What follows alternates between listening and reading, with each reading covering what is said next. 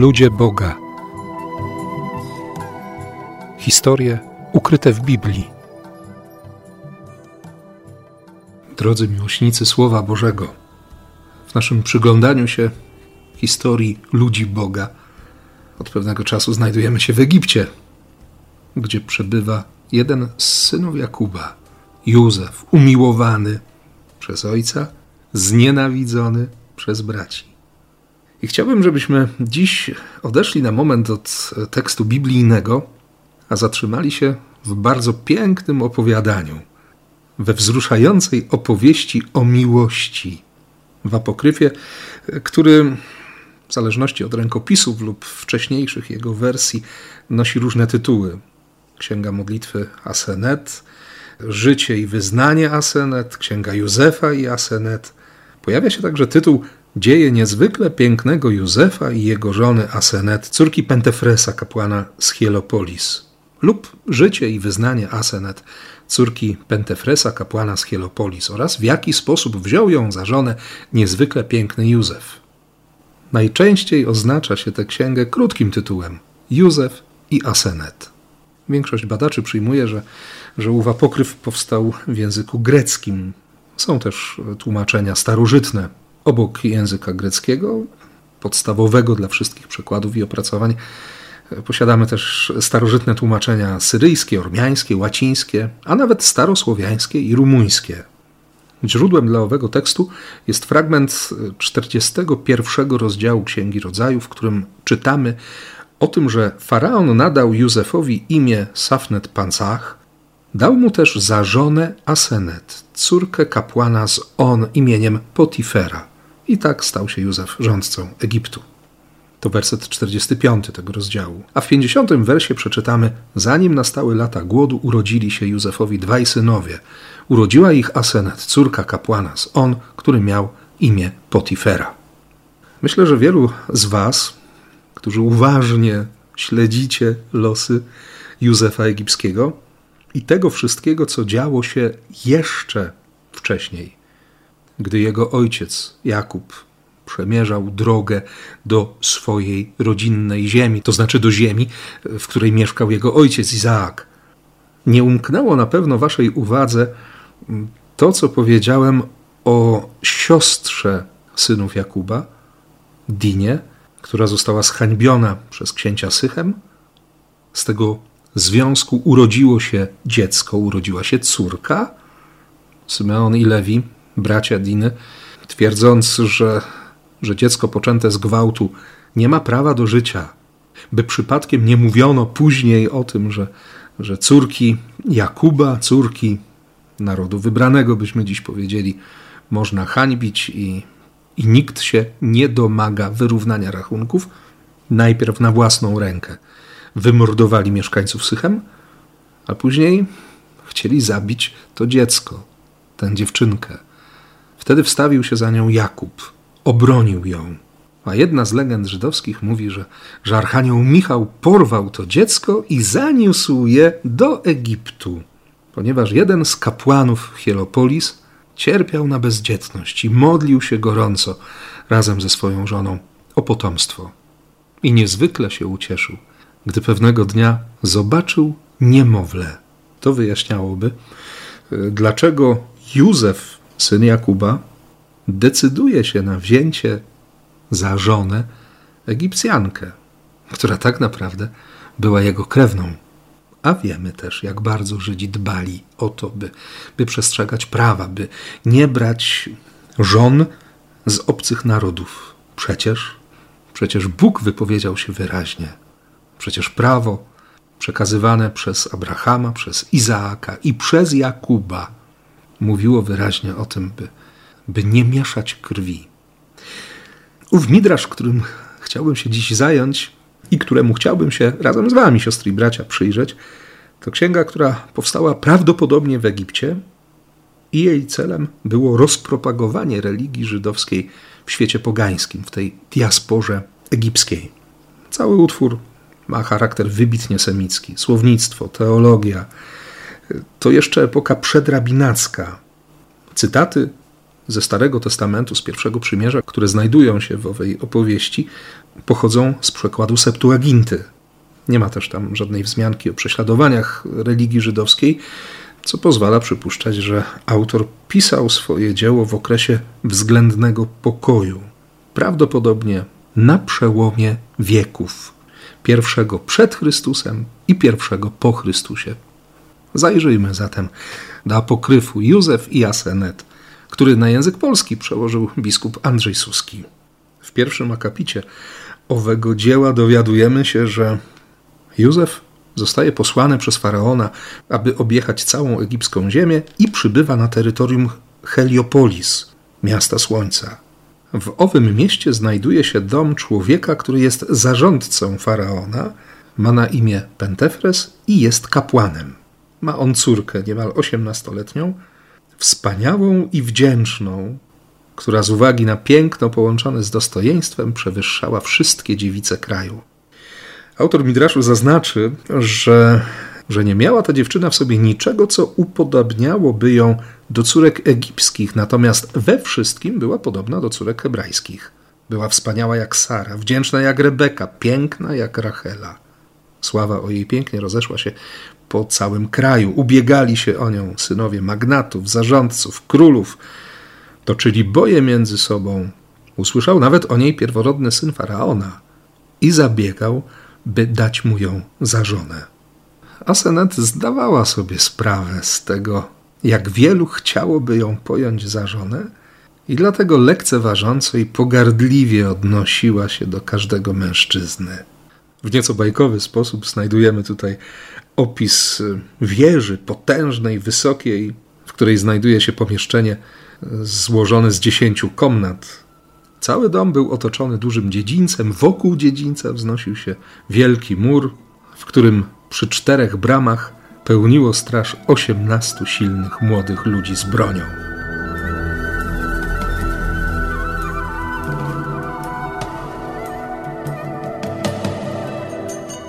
Po tym wstępie, który pokazuje bogactwo kapłana Heliopolis, piękno jego córki i niezwykłą wyniosłość Asenet, przychodzi czas na wizytę Józefa. Aby zaanonsować swoje przyjście, Józef wysyła dwunastu mężczyzn, którzy przekazują Pentefresowi wiadomość: Przybędę dziś do ciebie, ponieważ jest południe, pora posiłku oraz wielki upał słoneczny, przeto odpocznę pod twoim dachem. Ta wiadomość spotyka się z ogromną radością kapłana z Heliopolis. Józef, mocarz Boga, przybędzie dziś do nas. O ile żona Pentefresa reaguje umiarkowaną radością, o tyle Asenet zawrzała wielkim gniewem. Czemu mój pan i mój ojciec mówi w ten sposób? Chce tymi słowy wydać mnie jako więźnia człowiekowi innej rasy, temu zbiegowi, który został sprzedany w niewolę? Czyż nie jest on synem pasterza krainy Kanaanu, którego porzucił ojciec? Czyż nie jest tym, który spał ze swą panią i jego pan wyprawił go do więzienia ciemności? A faraon wyprowadził go z tego więzienia, ponieważ wyjaśnił mu sen? Raczej po ślubie pierworodnego syna królewskiego, ponieważ on jest królem całej krainy. Pentefres faktycznie wyjawił swojej żonie i córce pragnienie faraona, który, który postanowił wydać Asenet za Józefa. Tymczasem sama zainteresowana, a właściwie bardziej niezainteresowana za mąż pójściem, ucieka do swojej komnaty, staje przy wielkim oknie i widzi Józefa. Przeniknął jej duszę głęboki ból, zadrżały w niej wnętrzności, a kolana jej ugięły się. Trzęsła się na całym ciele, doznała wielkiego lęku i powiedziała: Dokąd pójdę i gdzie skryję się przed jego obliczem? Jak spojrzy na mnie Józef, syn Boga, o którym tyle zła powiedziałam, gdzie ucieknę i ukryję się, skoro widzi on wszelką skrytość? Nic tajnego nie ujdzie mu z powodu wielkiego światła, które jest w nim. Bądź mi życzliwy, Boże Józefa, ponieważ z niewiedzy wypowiedziałam złe słowa. Co ciekawe, w głowie Józefa jest bardzo podobna myśl. Wiele żon i córek możnowładców i zarządców całego kraju egipskiego, jak przeczytamy w Midraszu, naprzykrzały się Józefowi.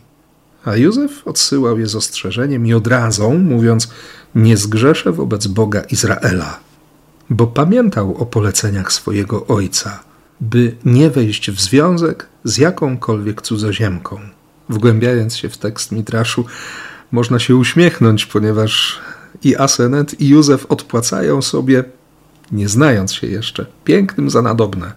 Dziewczyna wzgardziła człowiekiem, o którym słyszała wiele niepokojących i niepochlebnych słów. Józef, widząc Asenet ukrywającą się za zasłoną okna wieży, myśli, że to kolejna z dziewcząt, które będą mu się naprzykrzać, więc, więc nie chce mieć z nią nic wspólnego.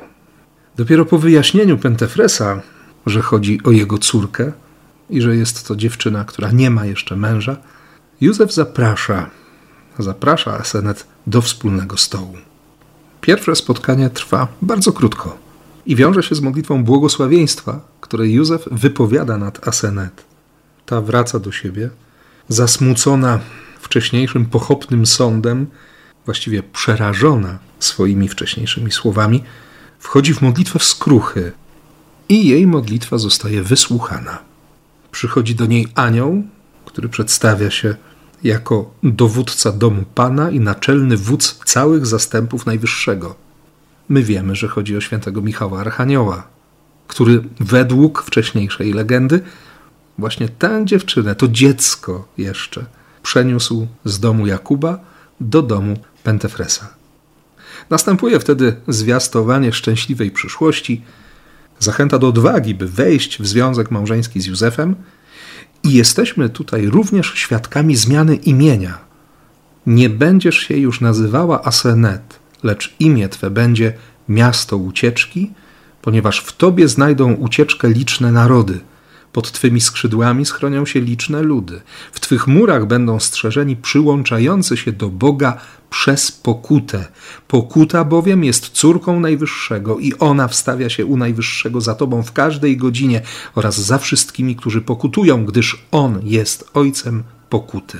W kolejnych akapitach jesteśmy świadkami jeszcze kilku pomniejszych cudów, które dzieją się na potrzeby całego opowiadania i zaczyna się przygotowanie do ślubu.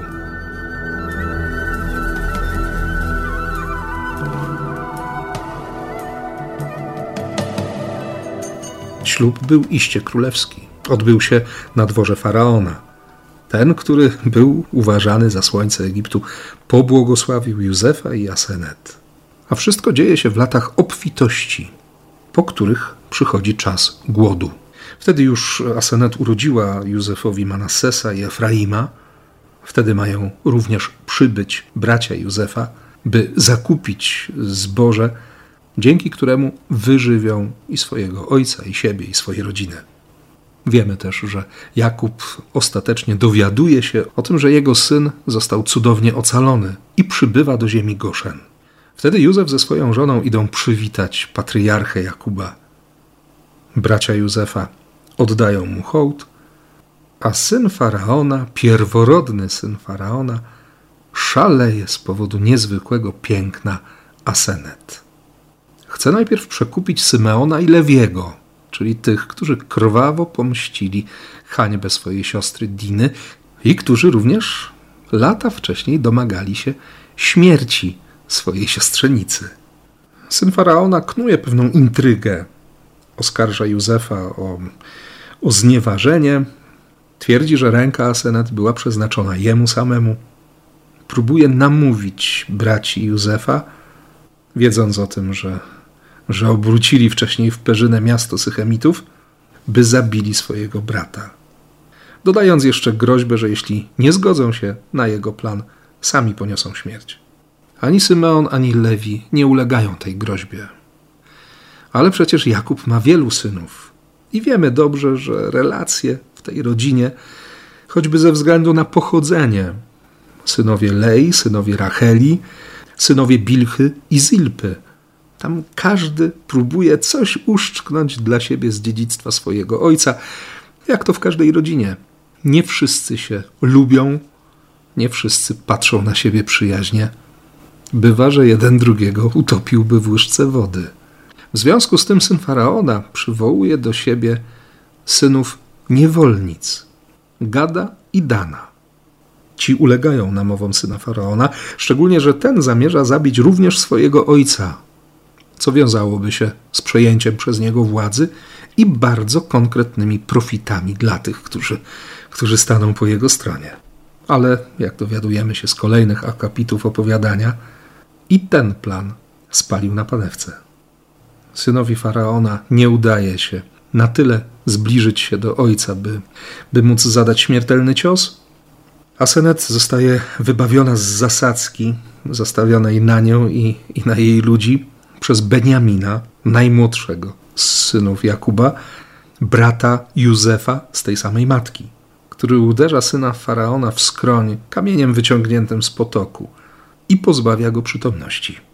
Tymczasem Gad i Dan widząc co się dzieje, padają na twarz przed swoją bratową i proszą o litość. Co prawda, krewki Symeon chciałby się zemścić na tych, którzy, którzy przyjęli propozycję syna faraona, mimo że są braćmi mającymi tego samego ojca. Jednak uspokojony przez swoją bratową i widząc również działanie Boga, ponieważ dzieje się tam wiele pomniejszych cudów, odstępuje od tego zamiaru. Pan pomści tę krzywdę. Rana zadana synowi faraona jest na tyle poważna, że po trzech dniach następca tronu umiera. Faraon, opłakując swego syna, rozchorował się ze zmartwienia i również przechodzi przez bramę śmierci. Korona zatem trafia na głowę Józefa. Autor Midraszu zaznaczy, że Józef królował nad Egiptem przez 48 lat a później przekazał koronę wnukowi faraona. I był dla niego Józef w Egipcie jak ojciec. Wydaje się, że, że zakończenie tego opowiadania jest punktem wyjścia do księgi, którą nazywamy dziś Księgą Wyjścia. Dalszą historią narodu wybranego, który w Egipcie staje się narodem niewolników. Zdaje się być zagrożeniem dla tych, którzy są rdzennymi mieszkańcami tamtej ziemi. A przynajmniej tak próbuje wytłumaczyć i, i poskładać całą historię biblijną autor owego Midraszu. Opowieść o miłości, o zdradzie, o niedowierzaniu, o zaufaniu. Opowieść o Bogu, który tłumaczy i prostuje pokrętne myślenie człowieka. O Bogu, który ratuje wzywających Jego imienia, o Bogu, który chce błogosławić, który ocala, Bogu, który naprawdę kocha. Oczywiście historia tej miłości jest nieskończona. I dlatego w naszych kolejnych spotkaniach będziemy dalej przyglądać się ludziom, którzy odkryli miłość Boga, którym miłość Boga zmieniała historię życia. Dziękując Wam, siostry i bracia, za dotychczasowe spotkania, życzę dobrego wakacyjnego czasu i szczerze liczę na to, że usłyszymy się w kolejnych odcinkach Ludzi Boga.